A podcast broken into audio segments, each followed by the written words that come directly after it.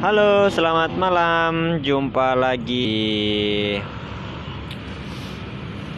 channel kami dengan masih di buku Ema Ainun Najib dengan judul Selilit Kali ini kita akan membaca subtema dari buku tersebut dengan judul Subjektivisme Cihideung.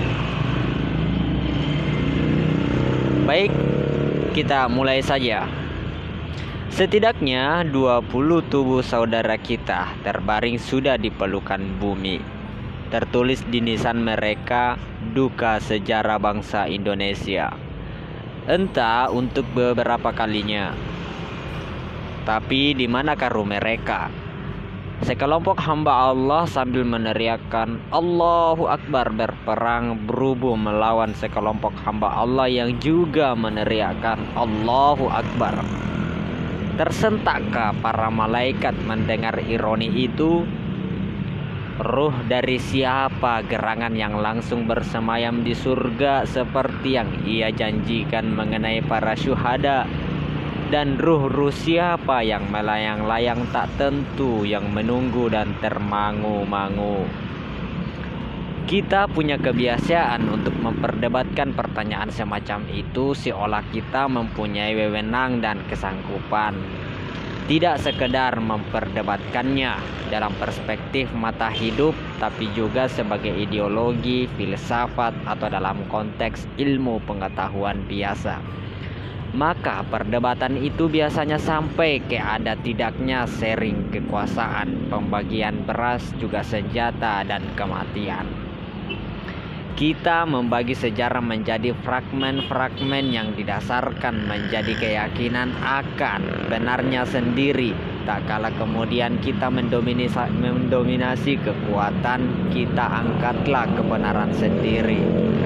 Itu menjadi kebenaran konvensional kebenaran konstitusi yang kita beri baju benarnya orang banyak kita tidak sanggup memelihara kerendahan hati untuk saling memahfumi bahwa kita sama-sama berada di tengah proses panjang proses panjang menelusuri kebenaran yang sejati. Ketika seorang sedulur kita sendiri menancapkan anak panah ke ulu hati, ketika demi membela diri kita terpaksa mencabik-cabik nyawa para saudara kita yang lain, tiba-tiba kita pun tersadarkan bahwa kita telah terlalu banyak mengisi sejarah tidak dengan rasa haus akan kebenaran, melainkan dengan gairah keunggulan, kemenangan, dan keperkasaan. Di dalam egoisme, benarnya sendiri amat cepat kita menuding kafir atau posisi lain kata kafir itu kita modifikasi secara politis menjadi ekstremitas atau sempalan Substansi ketiga tudingan itu sama, kekufuran, keingkaran, khianat. Di atas batu-batu berbongkah-bongkah jalanan sejarah. Kereta pembangunan kita tidaklah berjalan semulus yang kita impikan. Kita sering terpaksa menunda kemampuan untuk mengatasi suatu masalah secara objektif sehingga untuk menutupi rasa sedih atau menghapus rasa gagal, kita mencoba bersih tenang dalam keadaan itu dengan cara mendayagunakan subjektivisme. Kalau sudah bekerja keras bertahun-tahun tak juga bisa kaya, kita manipulasilah kearifan kaya tanpa harta. Penduduk suku Mandar yang tak mampu naik haji, naik ke puncak bukit bawa karaing untuk memperoleh rasa haji kalau kita amat susah rajin salat Jumat, kita bilang kepada tetangga bahwa kita Jumatan langsung ke Makkah. Pelacur sudah kita lenyapkan. Kini yang ada tinggal wanita tunasisila. Kita tak pernah menaikkan harga karena kita sanggup menyesuaikan harga. Kita basah kuyup oleh eufemisme kesulitan sosial ekonomi yang tak bisa kita atasi secara sosial ekonomi objektif kita taburi dengan subjektivisme budaya. Demikianlah yang terjadi pada kaum muslim bangsa kita yang malang.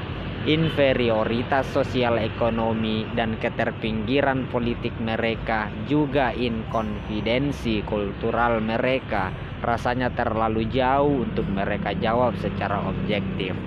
Kaki mereka mengambang di atas permukaan sejarah.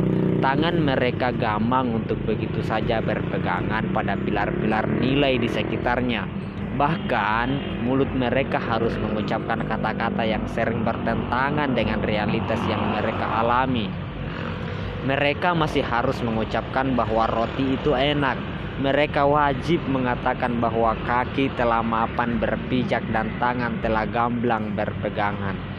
Kebanyakan dari mereka menempuh jalan pragmatis dengan mencoba menemukan analogi dan pembesaran pembesar, pembesaran dari ideologi si boy di berbagai bidang hidup.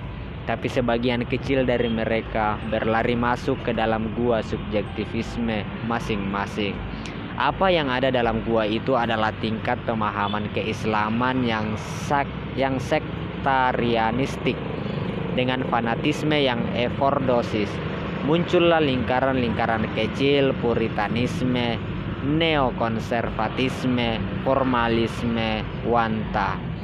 Kedangkalan pemahaman keislaman yang begitu sering diumumkan oleh para pemimpin negara maupun oleh para cendekiawan muslim sendiri itu sungguh lumrah karena ruang untuk memperkembangkan proses internalisasi nilai Islam justru bukan hal yang cukup disukai oleh para penentu sejarah.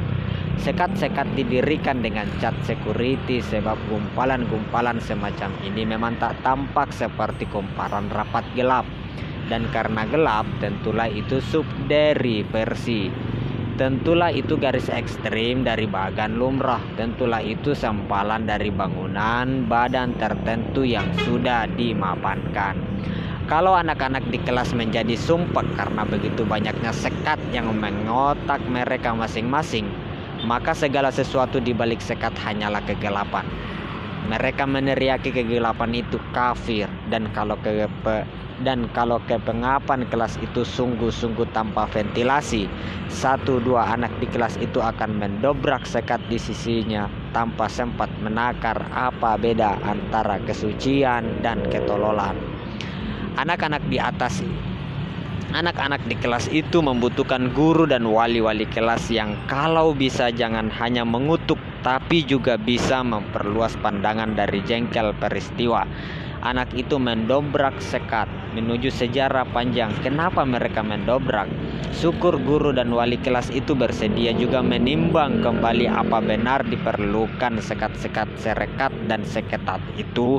Anak-anak bingung Adakah yang mereka hadapi ini kekuatan ataukah kecemasan? Semua ini saudara-saudara kita sendiri yang kita kasihi, mereka pergi dengan duka namun entah untuk apa. Barangkali kita tak akan pernah sungguh-sungguh memahaminya. Mereka pergi meninggalkan dunia yang membutuhkan seribu kali kekerasan hati dan takaran daya juang mereka semua. Mereka pergi meninggalkan kita dahaga akan manusia-manusia berani mati bukan manusia-manusia yang ingin mati. Mereka pergi memasuki sepi untuk barangkali kaget sendiri. Subjektivisme memerankan subjektivisme untuk ditampar, dikubur, dikutuk oleh subjektivisme. Klinik melahirkan bayi klinik untuk dicekik dan disumpah serapahi klinik. Berdukakah kita? Kalau menangis kok cengeng, kalau tidak sudah demikian dingin, dinginkah sudah demikian dinginkah kemanusiaan kita? Sekian, terima kasih.